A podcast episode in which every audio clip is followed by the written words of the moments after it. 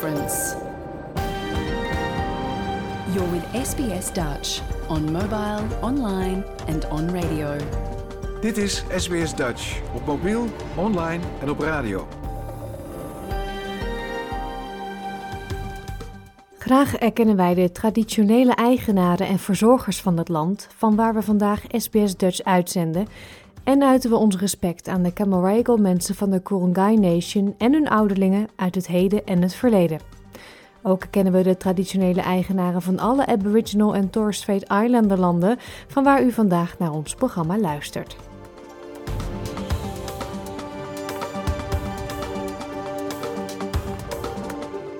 Goedemorgen, mijn naam is Paulien Roesink. Het is zaterdag 22 juli 2023 en u luistert naar SBS Dutch, het Nederlandstalige radioprogramma van SBS. In het komende uur bellen we met zangeres en comedienne Queenie van de Zand. Op dit moment is ze druk met het schrijven van haar nieuwe theatershow Middle Raged en ze wil graag hulp van Nederlandse middelbare vrouwen. Joyce Diebels geeft uitleg over de Nederlandse klinkers in een nieuwe mini-les Leer Nederlands. En Eka Eif heeft weer een mooie selectie gemaakt van Nederlandse podcasts. Dat en het weekoverzicht van Nederlands nieuws en fijne muziek allemaal later. Maar we beginnen met nieuws uit Australië zelf. Wat mensen doen op hun zeventigste kan cruciaal zijn voor hun geestelijke gezondheid. Dit concluderen onderzoekers van Monash University op basis van onderzoek naar de risico's van het ontwikkelen van dementie op latere leeftijd. Uit de studie blijkt dat verrijking van de levensstijl direct verband houdt met het verminderen van de risico's op dementie. Maar in tegenstelling tot wat mensen misschien denken, ligt het geheim van een gezond mentaal leven niet zozeer in sociale activiteiten, maar in het aangaan van wat artsen cognitieve uitdagingen noemen. Denk daarbij aan kruiswoordpuzzels of een potje schaken. Professor Joanne Ryan van Monash University, tevens hoofdauteur van het onderzoek, zegt dat het niet altijd voldoende is om de geest bezig te houden. more about um, the types of activities, and perhaps in terms of social activities, it's more around um, the quality of those activities and those engagements rather than the actual quantity and the size of the social network. Dat zijn de cognitief uitdagende activiteiten waardoor mensen informatie beter verwerken, logisch kunnen denken en problemen kunnen oplossen. Onderzoekers verzamelden de gegevens van meer dan 10.000 Australiërs van 70 jaar en ouder, die toen het onderzoek begon nog geen tekenen van dementie vertoonden. Gedurende 10 jaar analyseerden ze de relatie tussen de levensstijl van patiënten en het ontstaan van de ziekte.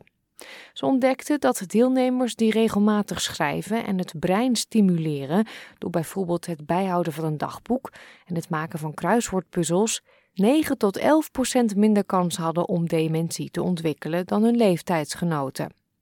Creatieve hobby's zoals schilderen en meer passieve activiteiten zoals lezen verminderen het risico met 7 procent. Een andere interessante ontdekking is dat de grootte van iemands sociale netwerk en de frequentie van uitstapjes buiten de deur geen effect heeft op het verminderen van het risico op dementie. Professor Ryan zegt dat de bevindingen te maken kunnen hebben met de profielen die onderzocht zijn.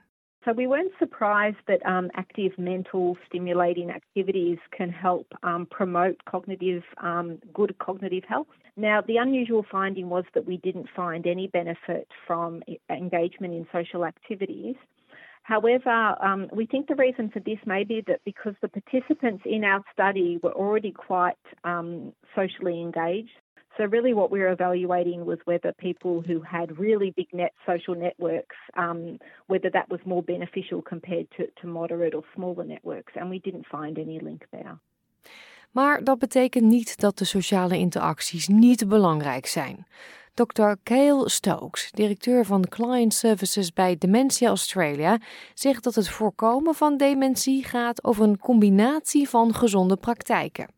we can do lots of things to reduce our risk of developing dementia and that we can focus on keeping our brain healthy in the same way that we focus on keeping our body healthy. So mm-hmm. there's a range of risk factors that we can focus on right across our whole life, and that can actually reduce the risk of developing dementia by up to 40% when you look at all of those different factors combined. So things like having a healthy diet, maintaining a good level of exercise, not smoking, not drinking too much, remaining socially engaged is still a really important factor to reduce our risk of developing dementia. So I think it's important that we think about all of the different things that we can do to reduce our risk.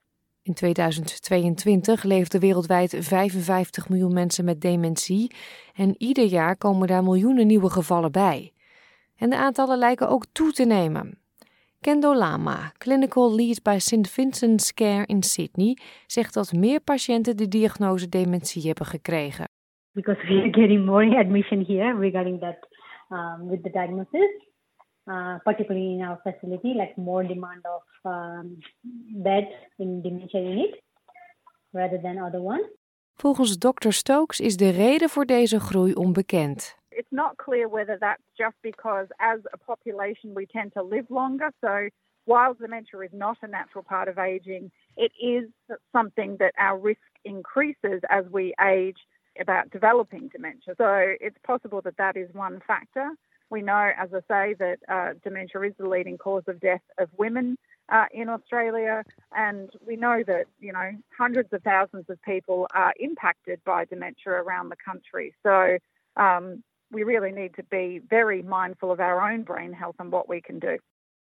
Maar de bevindingen betekenen nog steeds niet dat er een preventieve behandeling voor deze ziekte is. Er is nog geen remedie.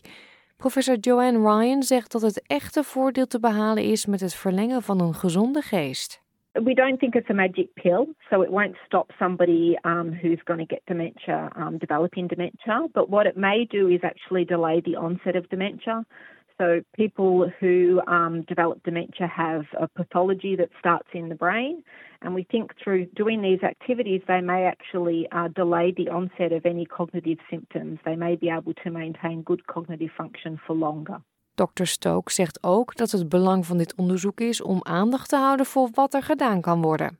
So this research really starts to build on other forms of research that have been out there over the last few years that show that there are modifiable and non-modifiable risk factors for dementia. So things like our genetics and age are non non-modifiable risk factors that uh, you know we we can't do anything about. And in fact, aging is a is a positive uh, effect of of um, you know living longer and uh, having longer lives. But there are a range of modifiable risk factors that we can focus on and that we can focus on right across our life. De resultaten van het onderzoek bleven statistisch significant, zelfs na correctie met betrekking tot opleidingsniveau en sociaal-economische status, en er werden geen significante verschillen tussen mannen en vrouwen gevonden. In 2022 hadden naar schatting bijna 400.000 mensen in Australië dementie.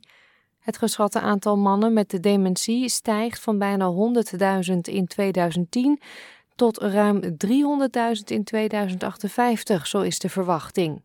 En het geschatte aantal vrouwen met dementie stijgt van bijna 200.000 in 2010 tot ruim een half miljoen in 2058. Dit was een verhaal van Adriana Weinstock, gemaakt voor SBS Nieuws en door SBS Dutch vertaald in het Nederlands. Zangeres en theatermaakster Queenie van der Zand werkt momenteel aan haar nieuwe theatershow Middle Raged, een voorstelling over vrouwen van middelbare leeftijd en de overgang. Om een beeld te krijgen van hoe verschillende culturen binnen Australië omgaan met de menopauze, is ze nog op zoek naar verhalen uit de Nederlandse community. We belden haar om meer te weten te komen. Jouw gemeenschap, jouw gesprek, SBS Dutch. Queenie, hoe kom jij op het idee om een show te maken met de titel Middle-Aged?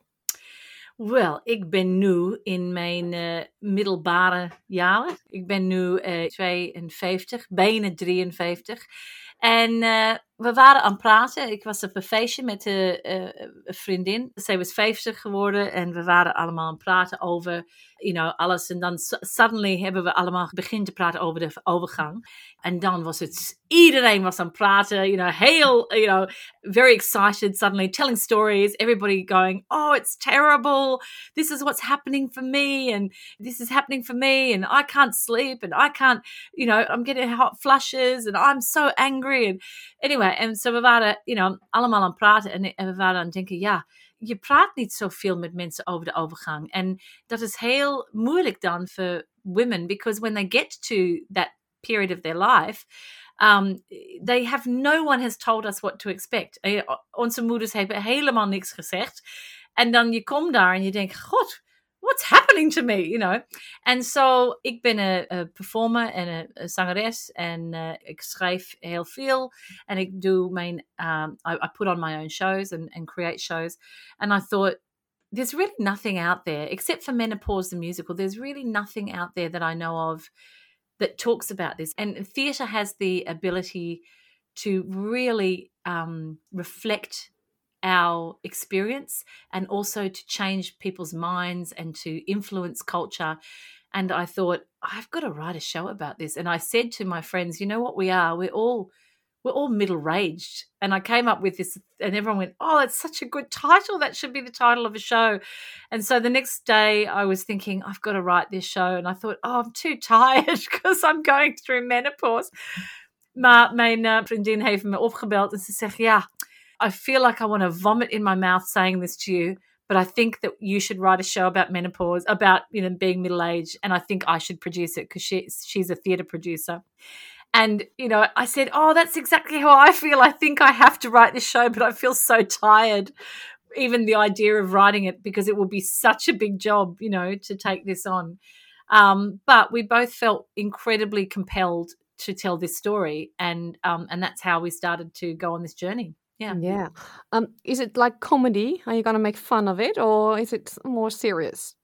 Well, it's a beetje alles uh, because uh, the, we didn't when we started um, putting it together and started thinking about. We did a lot of research, and then we thought, you know, women. One of the big things that came out of our research was that females uh, in this time of life they lose their voice. Like if society starts to find them irrelevant, treat them like they're not even there anymore. It's like, yeah, bedankt, je hebt heel, you know, je hebt heel goed gedaan, and tot ziens, you know, alle. And so we thought, well, actually, we want to give women a voice in doing this show, but to do that, you know, rather than then write it ourselves from two white women in Australia, you know, we thought actually we need to hear the stories of women around Australia. We want to hear their stories about what they've experienced and take that and then put it into a, a show that will be very funny because some of the stories that we've gotten from women are hilarious, you know, about you know terrible moments where they've had hot flushes which have been really embarrassing or and some of them are absolutely tragic. Some of the stories are so sad. And so we're going to find a night that really is a mixed bag of music of comedy of interactive stuff with the audience because we want the audience to also feel that they have a voice you know, it'll be a real variety show of all sorts of different things, all on the theme of being middle aged, basically, as a woman. Yeah, I'm not there yet. I'm 40. ja, bijna maar. je weet dat uh, 40 tot uh, 56 is middle age, so you're there. No, no I don't want to know. No, no, no, no, no, no. No, no, Queenie. I'm not there yet. but um, uh, will I be terrified when I go to your show and hear what's going to happen oh, to no, me? no, no, no. The, the, the whole point of it is is to is to really um, inform people, absolutely inform them so they know what's coming, but to also show the light that comes. You know, one of the one of the the wonderful articles that started us off on this journey is um, an article from a woman whose name I've forgotten because I'm going through menopause and I've lost my memory. But uh, but um, uh, um, but in it, she talked about how the wonderful thing about menopause for women, which men don't really get, is that because we can't do anything but move forward, because we actually can't. In middle age, what happens to a lot of men is they go backwards. They divorce their wives and they get a new wife and they start another family and they they try again. They try and make up for all of the stuff that they didn't get right. Yeah, midlife crisis. Yeah, midlife crisis for a man. Well, a midlife crisis for a woman, you can't do that. You can't go off and have another family and start again. You know, like so you literally have to move forward. And and they said, you know, in this article it was a wonderful phrase. She said, and that's why in midlife men go and buy a red motor vehicle or a sports car and women get their PhD. Women go forward and do great things after menopause because they're no longer bound by the things that they had before. They've moved through it. So that's part of what the show will be about. It will be about showing there's life on the other side of menopause there's life on the other side of midlife and you know all the hard things you have to deal with in midlife like parents dying or children moving out of home or you know like relationships breaking up or being ignored in society there's like there's a whole nother you know getting used to your body aging there's a whole nother wonderful life coming at you on the other side of that and so that's part of what the show will be about as well Ja, nou weten we dat je een hele mooie stem hebt ook. Ga je ook zingen? Oh ja, dat moet ik doen. Um, so yes, in the show there'll be singing and music. So uh, yeah, we wait need uh, what at the moment. We're still working on that. We've got one beautiful song written to by a wonderful musician and performer called Gillian Cosgriff, and there'll definitely be more music. But yes, I will definitely be singing in the show as well. Yeah. You just mentioned. I'm. I'm sorry. I'm switching from Dutch to English. You do the No, same. It's just one. me. Yeah. Holland. Ja, in het Nederlands ga ik gewoon verder. Ehm, je zei net al, verhalen. Mensen sturen hun verhalen naar jullie toe.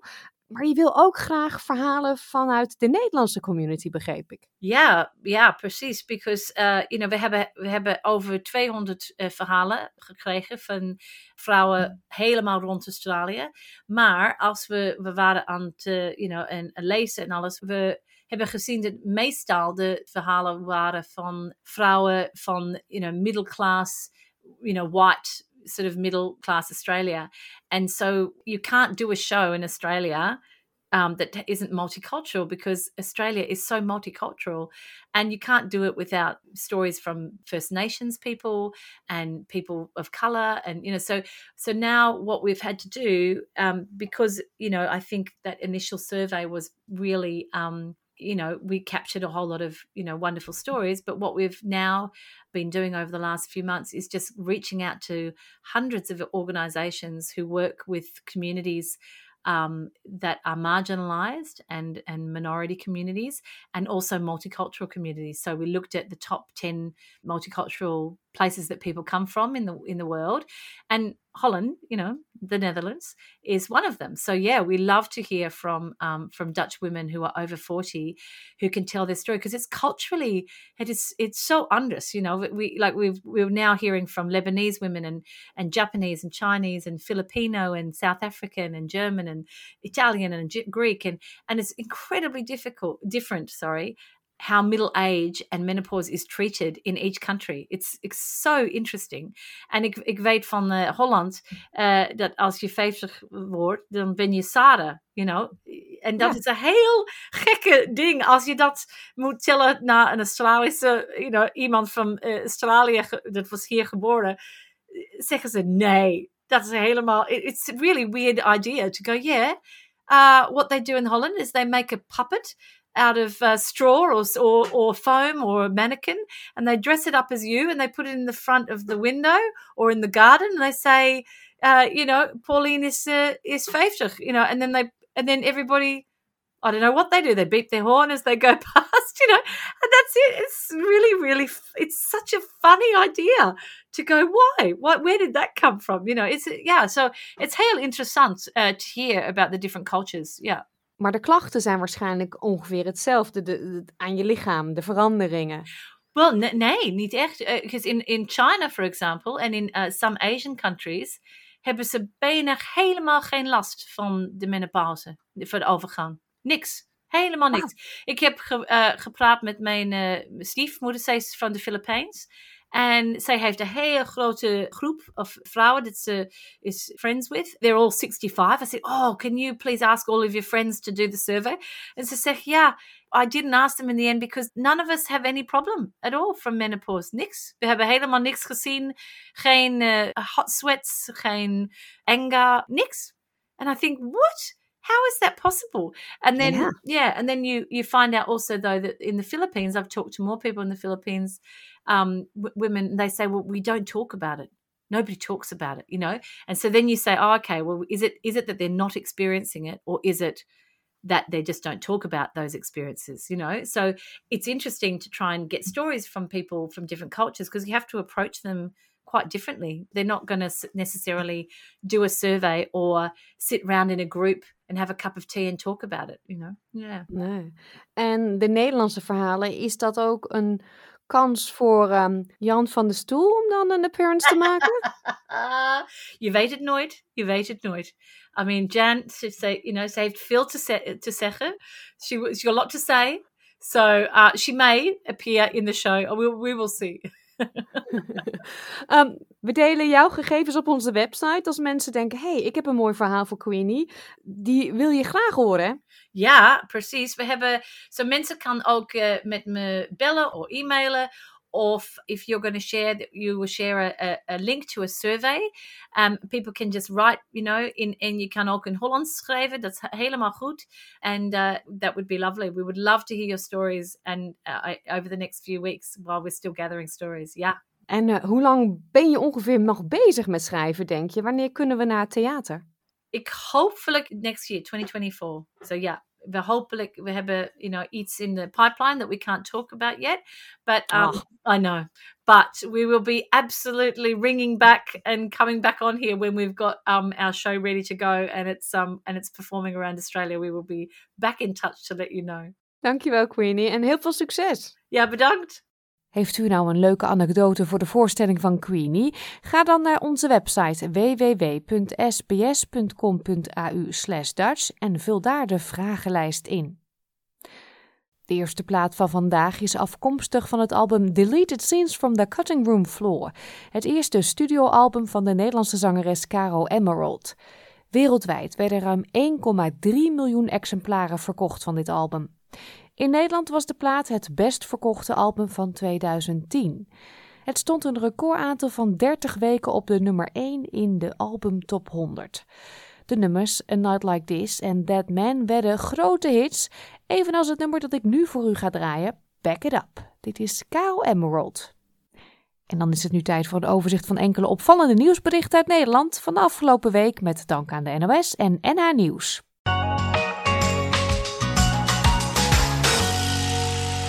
De afgelopen dagen vond de 105e editie van de Nijmeegse Vierdaagse plaats. Een boer uit Amsterdam liep mee op klompen. Maarten Hertzberger hoopt zo 50.000 euro in te zamelen om zijn kinderboerderij in het Amsterdamse Westerpark te redden. En haar nieuws ging vooraf bij hem langs. Dat gebouw is eigenlijk gewoon niet meer goedgekeurd. Die moet gewoon vervangen worden. Dit hebben we eraf gehaald omdat die planken die erop zaten, die waren zo rot. Je bent toch gek op klompen 200 kilometer vier dagen lang? Nee. Je kunt ook zeggen, je bent toch gek als je sportschoenen gaat kopen, dure sportschoenen gaat kopen, waardoor je je rug in krakt, de Nijmeegse Daagse lopen. Ik heb er geen last van. Ik heb geen last van blaren en ik ben het gewend. Ja, ik doe hem dat niet na, u wel? Helaas hebben we nog niet kunnen achterhalen of boer Maarten de Vierdaagse heeft uitgelopen. Gaan verder in Zwolle, want in de oude wijk Assendorp blijft de warmte in de zomer heel erg hangen.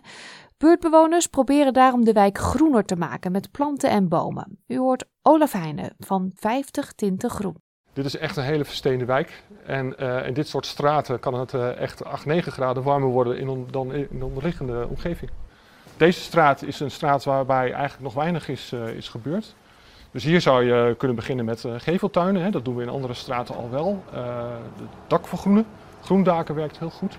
En uiteindelijk wil je naar een oplossing waarbij je ook wat meer bomen in zo'n straat uh, plaatst. maar scheelt dat echt zoveel? Ja, dat scheelt echt heel veel. Zo'n boom dat is, dat, die koelt tientallen airco's weg. En die bomen en planten werken natuurlijk niet alleen verkoelend, maar een straat ziet er ook veel mooier en gezelliger uit. En het heeft nog een voordeel, want planten en bomen trekken insecten en vogels aan.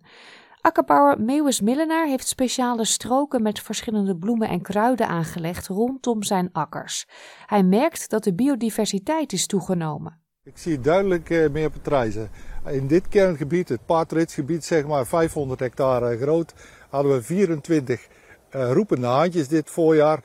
Ja, een grotere dichtheid kun je eigenlijk niet krijgen. En een roepend haantje betekent dat dat een haantje is dat op zoek is naar een partner en dus hier wil gaan nestelen in dat gebied. Ik ben er ontzettend blij mee. Want ik voel me ook net als alle andere boeren hier rentmeester van het gebied, zeg maar. We willen iets, ja, met z'n allen een mooi gebied houden en eh, zorgen voor de, de aardkloot. In Enschede stuurt de brandweer sinds kort een drone vooruit bij een brandmelding om de locatie te inventariseren. Vanuit de brandweerwagen kan dan al bekeken worden wat er aan de hand is en welke inzet nodig is. Zo vertelt Egbert de Zee van Brandweer Twente. Ongeveer met een drie minuten rukken we uit. Dan is de drone al te plaatsen. En dan moeten wij nog rijden. En dat kan soms vier, vijf, zes minuten duren. En hem al beeld. Dus voordat we uitgerukt zijn, hem waarschijnlijk al beeld van te plaatsen. Hier was het eigenlijk natuurbrand, de melding. Maar hier kunnen we al zien, er ligt meer dan alleen maar natuurbrand. Er liggen ook allemaal vaten. Met de warmtebeeldcamera kunnen we dus ook hotspots zien. Dus weten we van tevoren al, er is daadwerkelijk brand, maar geen normale natuurbrand. Dus hier hebben we te maken waarschijnlijk met een drugsdumping en iets wat is gaan branden. Illegale dumping. Nu is het wel waarschijnlijk geen simpele natuurbrand, maar misschien hebben we hier te maken met gevaarlijke stoffen. Dus willen we graag de adviseur gevaarlijke stoffen eh, erbij hebben. Dus voordat we te plaatsen zijn, kunnen we al opschalen naar de juiste personen. Deze week ging in Nederland de film Barbie in première en dat is goed te merken in de winkel van Paul Bouwman. Hij verkoopt al 38 jaar Barbie-poppen en ziet de vraag door alle publiciteit flink stijgen. Ik denk dat Barbie heel erg aanspreekt um, vanwege de historie. Ze is er al bijna 65 jaar, volgend jaar wordt ze 65 en ze omvat alles. Ze doet alle beroepen, ze beeldt alles uit. En um, je vindt, iedereen, merken wij in de winkel, vindt wel iets in Barbie. Arnhem had deze week een primeur. In de stad opende woensdag de allereerste K-pop winkel van Nederland haar deuren. Dan kan ik me heel goed voorstellen dat u nou niet meteen weet wat K-pop is. Nou, K-pop is een muziekgenre uit Zuid-Korea dat een mix is van verschillende muziekstijlen, zoals hip-hop en popmuziek. En ook in Nederland is K-pop populair en dat was ook al wel gelijk te merken, want het was druk in de winkel. Het is echt top. Altijd het internet afzoeken om te hopen dat je maar de goede dingen kan vinden. Dit is, dit is echt top. Kwam je speciaal voor dit album hier naartoe? Uh, ja, want online zijn ze veel duurder. Omdat je de verzendkosten dan moet betalen en het komt uit andere landen. En nu kan je voor het eerst eindelijk naar een winkel hier in Nederland. Ja. We hebben online best wel een grote community die ons volgt. Best wel veel mensen. Die, uh, dus we hebben iedereen opgeroepen van kom gezellig deze week langs. En aan de rij te zien lukt dat aardig. Ik zie niet echt overal K-pop fans, maar nu in deze rij wel heel veel. Hoe voelt dat? Uh, leuk, want dan kan je misschien ook praten met elkaar over K-pop. Mensen met een laag inkomen hebben dit jaar weer recht op energietoeslag in Nederland. Marja die heeft die toeslag heel hard nodig, zo legt ze uit. En dat is heel erg balen, want de uitkering is vertraagd.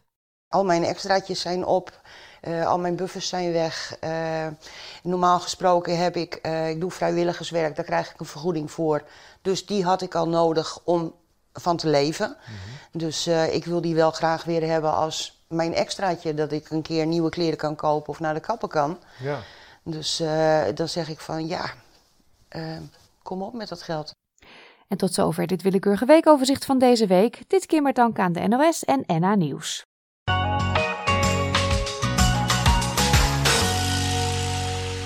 In de podcastserie Leer Nederlands leert u iedere week in een paar minuten enkele Nederlandse woordjes en of uitspraken. De minilessen zijn in het Engels en worden verzorgd door leraar Nederlands Joyce Diebels uit Melbourne van Dutch with Joyce. Vandaag laat Joyce horen hoe de klinkers klinken in het Nederlands.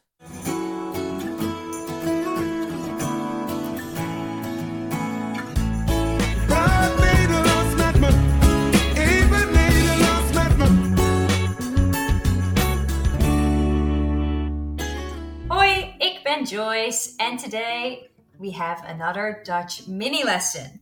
Today we are talking about our vowels.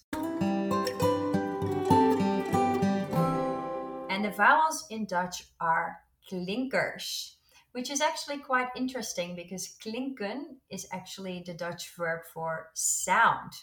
We use our vowels, our klinkers, to make sounds and to make sense of certain words. And same as English, we have the same letters for our vowels the A, the E, the I, the O, the U.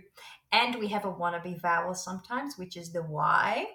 I don't know why, but we do use them as a vowel sometimes, and it can come in handy in some of our grammatical explanation. So let's start with our vowels because the vowels do sound a bit funny and confusing sometimes. So let's start with our letter A, the first letter of our alphabet. Our letter A in Dutch is not the A, it is the A. The A. Aha. The A. The A, the A, can also sound like an A. So, same as in English, right? You can sound the A like an A, but it can also sound like an ah, like or a man. So it has a lot of different sounds in English too. In Dutch, there's just two the A or the A. The A and the A. So, for example, we can think of man and mom, moon and man, man and man, Maan, man. man and man. Then we go to our second vowel, onze tweede klinker, the E. Well, the E again doesn't sound like our E. It sounds like your letter A.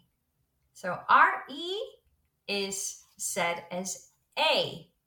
The E is the A. The A, as in our last lesson, can also sound like E at the end of a word or E. So usually the E sounds like A or E. So for example, meer of met. Meer, met.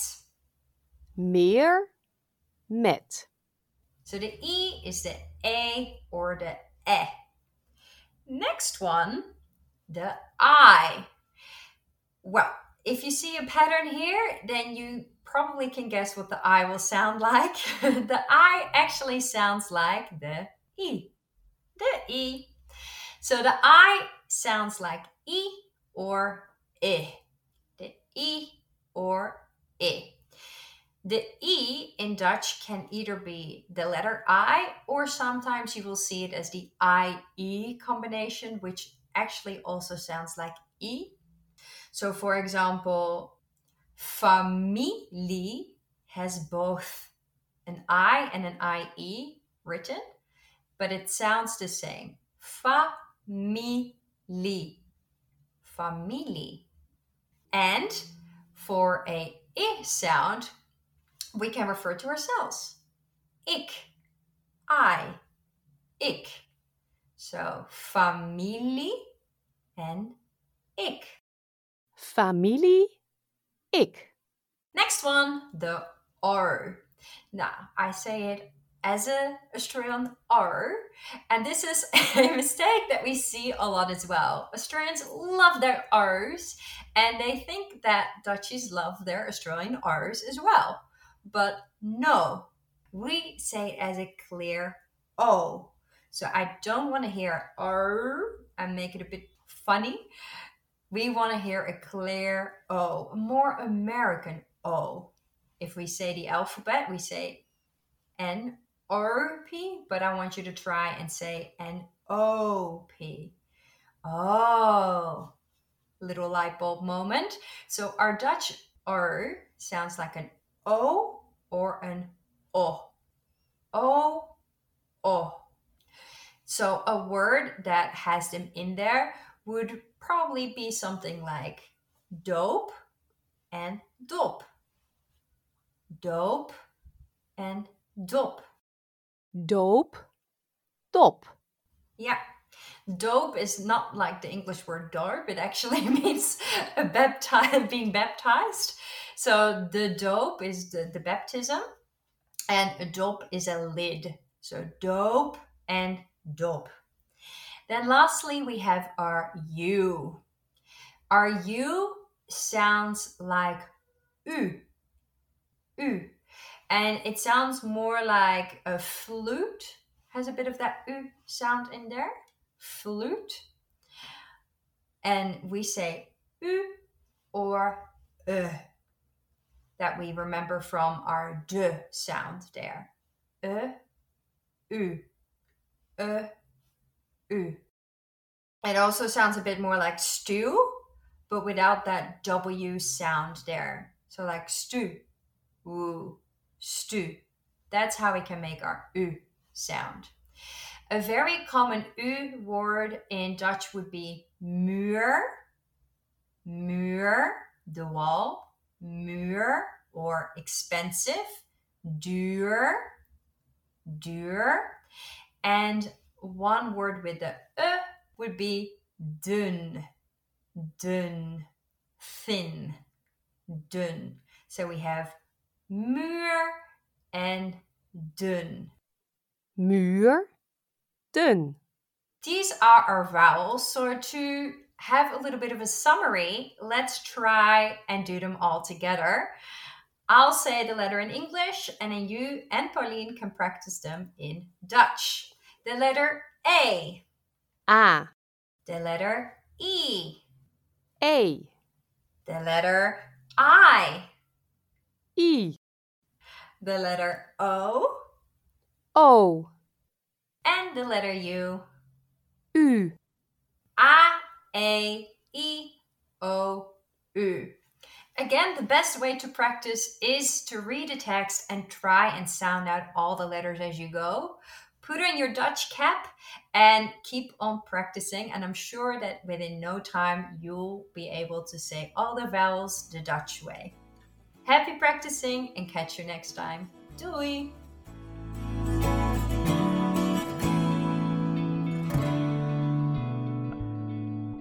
Ga voor eerdere afleveringen van Leer Nederlands naar onze website www.sbs.com.au/dutch.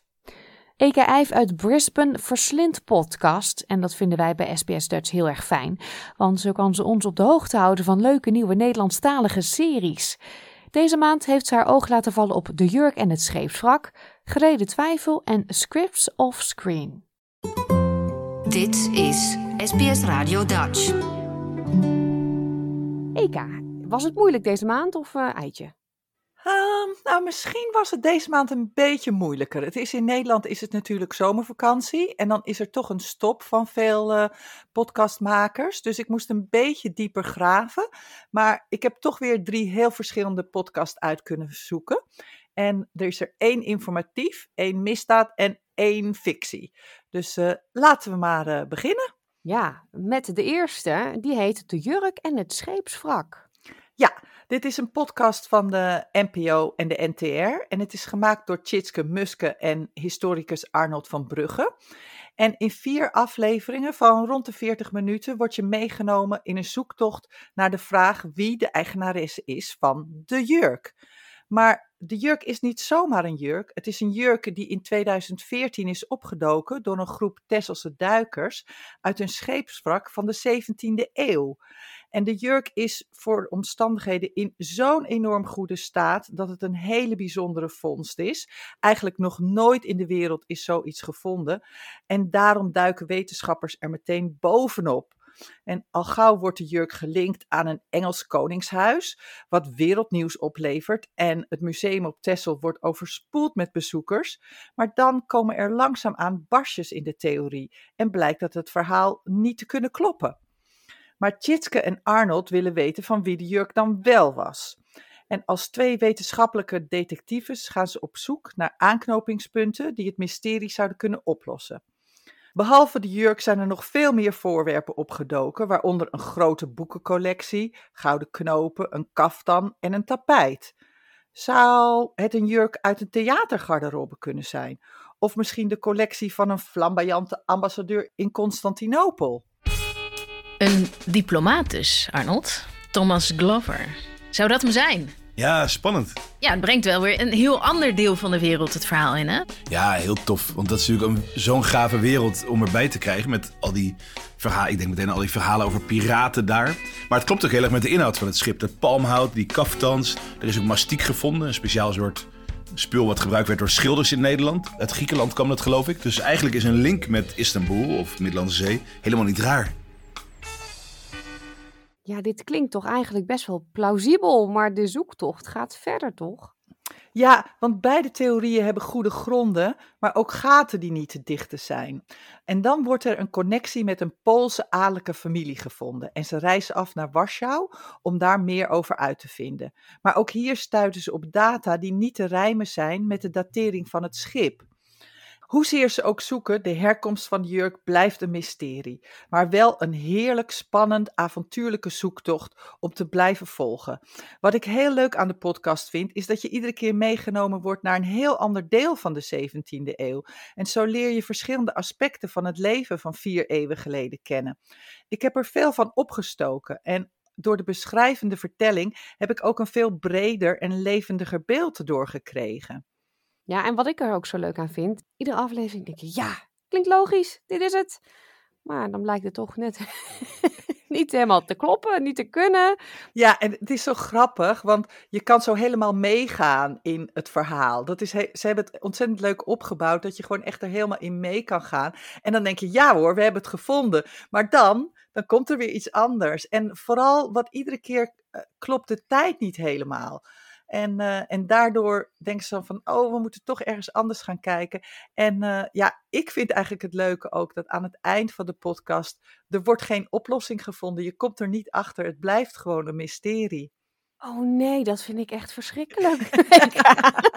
ik wil weten hoe het zit. Daar, daar moeten we mee leven. Dat dingen uit de 17e eeuw, dat we met alle informatie die we hebben en alle technologieën, dat we er toch niet echt achter kunnen komen. Ja, ja, wel heel mooi, inderdaad. Ja. Jouw tweede serie, ja, daar ben ik dus aan, aan verslingerd. Ik hou van dat onderzoeken en, en, en uh, crime-achtige. Gereden twijfel. Ja, ik dacht al dat dit een podcast voor jou zou zijn, Pauline. Ik weet dat je van true crime houdt. Het is niet zozeer mijn, uh, mijn favoriete genre, maar met deze vind ik het toch wel. Het is een beetje anders dan true crime. Het is wel een misdaadpodcast, maar um, deze gaat veel meer over de onderzoek naar de misdaad dan de misdaad zelf. En daarom kan ik er wel tegen. Ja, uh, ja. gereden twijfel, we kennen die uitdrukking denk ik wel. Uh, waar gaat deze podcast over? Het is een zevendelige podcastserie van het NRC. En Bas Haan die volgt hierin elf studenten van de VU, van de Vrije Universiteit in Amsterdam, in hun maandenlange zoektocht naar een mogelijke gerechtelijke dwaling. En onder begeleiding van rechtspsycholoog Peter van Koppen analyseren zij een moordzaak uit 2012. En Antonio zit een gevangenisstraf van 24 jaar uit voor moord op zijn jeugdvriend Guido. En zowel de rechtbank als het gerechtshof zijn ervan overtuigd dat hij zijn vriend in een Maastrichtse loods doodmartelde en hem daarna probeerde te verbranden om de sporen uit te wissen. Het verhaal klinkt gruwelijk en je krijgt ook wel wat details te horen. Maar de podcast gaat dus niet over de misdaad zelf, maar meer over de zoektocht van de elf studenten naar de werkwijze van de politie en de rechters. Ze nemen eerst twee weken de tijd om het dossier helemaal uit te spitten en kijken of de feiten kloppen. Ze spreken met de advocaat van Antonio om een beter beeld van zijn persoon te krijgen. Ze gaan naar de plaats van delict, maken een tijdslijn, onderzoeken forensisch bewijs door proeven met de martelwerktuigen na te bootsen. En samen met de brandweer steken ze een loods in de fik. Allemaal te zien of het ging zoals de rechters denken. Er was in eerste instantie echt een enorme steekvlam. Ja, dat zag ik. Zo. Ja? Oh my god. Daarna kwam er heel veel rook vrij. Echt, dus de hele container die zat helemaal vol en het kwam uit de opening uh, kwam het helemaal naar buiten. Kijk, je ziet nu al wat... Uh... Flinke rook. Zo. Jezus. En uh, dat zette Jamie en Lorraine ook wel aan het denken. Want als Antonio echt Guido in de brand had gestoken, hoe zou dat dan verlopen zijn? Dat is echt eng. Maar wel... Hij verdwijnt ook helemaal ja. in de rook. Maar, maar even, ik weet niet, de loods is wel iets groter dan dit. Maar ja, en helemaal zo... dicht. Als het zo rookt, dat is, ja. Dat is best heftig. Oh, stel die brand heeft 15 minuten geduurd of zo, hè? Dan moet gewoon zwart. Dat is toch echt best lang dan? Daar kan je ook niet ja. blijven in zitten. Ja, die containerbrand, dat is een van de manieren waarop die studenten nagaan wat er allemaal gebeurt. Dus ik vond dat enorm interessant om te horen. Simpele proefjes, ze doen nog veel meer. Sommige, daar moet je soms een beetje om lachen, omdat ja, ze kunnen natuurlijk niet echt iemands vinger afknippen of zo, hè, bijvoorbeeld. Als we het over martelen hebben. Dus daar vinden ze alternatieven voor. Maar ik dacht, joh, een stel studenten die op deze manier eigenlijk best wel veel twijfels hebben. Omdat ze dingen nagaan die door de rechtbank gewoon worden gezien als dat is zo gebeurd, dat, dat kan niet anders. En als je dan hoort hoe zij werken en hoe zij dat dan nagaan, dan denk je, nou, is het allemaal wel zo zeker? Had je dat ook niet toen je luisterde? Ja, maar dat wordt in de podcast ook wel goed uitgelegd. Kijk, De politie en de rechtbank heeft natuurlijk niet één zaak. En die staan onder enorme tijdsdruk. Dus die moeten heel gauw dingen deduceren. Oh, dat ligt daar en dat ligt daar. Dus dan zal dit wel gebeurd zijn. Dus dat nemen we maar aan. En dit zijn elf studenten. En het zijn natuurlijk ook studenten die, weet je, dit is hun vakgebied. Dus ze zijn er ook heel erg op gespitst van wat staat hier precies en wat wordt er eigenlijk niet gevraagd. Daar gaan ze ook heel erg op in. Van wat wordt er allemaal niet gevraagd en niet uitgezocht. En um, het is enorm interessant om naar te luisteren. Zij besteden hier zes maanden aan. En ja, de politie die moet het misschien in, weet je wel, zes weken doen. En dan moet de zaak klaar zijn. En er zijn natuurlijk nog veel meer zaken. Dus er wordt enorm onder tijdsdruk gewerkt. En het is fantastisch dat dit er is om dingen uit te zoeken. Ja, en ik zit dus echt met smart op die laatste aflevering voor volgende week te wachten. Ja, de podcast die loopt nog. Deze week eh, kwam uh, aflevering 6 online. En uh, volgende week dus de volgende. Dus ik kan jullie helemaal niets over de uitkomst vertellen. Maar als True Crime je interesseert, dan is dit zeker een podcast om je op te abonneren. Ja, dat ben ik helemaal met je eens. Ja. True Crime en nu, ja, fictie hè?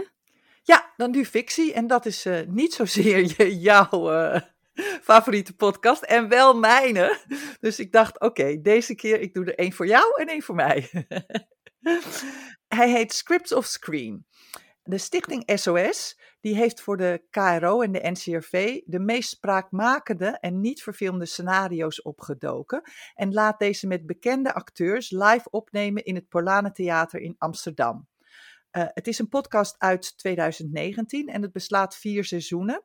En in elk seizoen luister je naar een compleet scenario, verdeeld over vijf episodes van ongeveer een half uur. En aan het eind van ieder seizoen is er een aansluitend zesde episode met een interview met de scenario-schrijver, waarin ze vertellen hoe het scenario tot stand kwam. De vier scenario's die we kunnen beluisteren zijn Fit to Fly, over een marechaussee die een uitgeprocedeerde Roma-gezin moet begeleiden op hun uitzetting naar Servië. Mondriaans Victory, over het leven van de beroemde schilder Piet Mondriaan en in welke omstandigheden zijn laatste en meest bekende werk, de Victory Boogie Woogie, tot stand kwam. Dan is er bijna dood, over een nuchtere zakenvrouw die tijdens een bijna doodervaring erachter komt dat de dood van haar dochter niet zelf gekozen was, maar dat een ander hier de hand in had. En het laatste seizoen heeft twee korte verhalen en één wat langere. Het langere verhaal heet App, over twee tienermeisjes, wiens vriendschap geleidelijk verandert in liefde en hoe verschillend hun families hierop reageren. Ik vond het heel moeilijk om te kiezen uh, welke, maar ik denk dat Fit to Fly mijn favoriete was. Maar de verhalen zijn stuk voor stuk mooi en ze hebben allemaal iets spannends, iets ontroerends, intrigerends of soms zelfs grappigs. Uh, misschien kunnen we een stukje luisteren. Laten we dat doen. Kevin en ik doen Bashar, de rest doet Latif. En ik wil dat jullie investeren in die jongens. Bied een kop koffie aan, stel ze op hun gemak, praat met ze. En vooral geen fysiek contact, alleen als het echt niet anders kan. Je belangrijkste wapen zit niet op je heup, maar zit tussen je... Hij maakt zijn zin niet af als hij merkt dat hij opeens de aandacht verliest. Hij kijkt op van zijn klembord en ziet dat zijn collega's met grote ogen naar de monitor achter hem kijken. Als hij zich razendsnel omdraait, ziet hij waarom. De oudere broer heeft zichzelf in brand gestoken. Zijn kleding staat in vlam. Het brandalarm begint hard te piepen. Ja, dat is uh, nogal heftig, maar we moeten even onthouden: dit zijn bedachte verhalen, niet waar gebeurt in dit geval. Ja, dit zijn fictie. En zoals je al kunt horen in dit fragment, is het een heel bijzonder format. Uh, ik ben zelf een grote fan van hoorspelen en fictiepodcast, maar ik ben ook een enorme filmfan. Maar toch moest ik even wennen. Uh, het is een scenario, dus de setting wordt voorgelezen. En dat werkt in het begin wat vervreemdend. Maar het wendt heel snel en het zijn stuk voor stuk enorm spannende verhalen.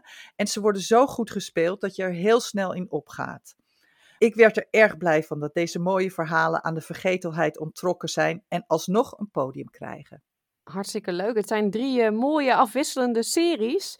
De Jurk en het Scheepswrak, Gereden Twijfel en Scripts of Screen. Alle informatie is terug te lezen en ook de linkjes naar waar die series te luisteren zijn natuurlijk heel belangrijk, want we kunnen er leuk over vertellen, maar als je niet weet waar die te luisteren zijn, dan is ook zo jammer. Te vinden op onze website www.sbs.com.au/dutch. En Eka, tot volgende maand. Tot volgende maand. Heeft u de zojuist besproken podcastseries al geluisterd? Ga dan naar onze website, want daar staan nog 20 afleveringen van onze eigen podcast podcast vol met podcasttips. www.sbs.com.au/dutch. Hier kunt u trouwens ook al onze andere interviews en series terugluisteren. En terugluisteren kan ook via de gratis SBS Audio app. Deze is te downloaden in de App Store of Google Play. Hiermee komen we aan het einde van dit Nederlandse uur op SBS Radio. We sluiten af met het laatste rondje van André Hazes. Hoe toepasselijk. Ik wens u een heel mooi weekend. Graag tot woensdag. Dag. Like, deel, geef je reactie. Volg SBS Dutch op Facebook.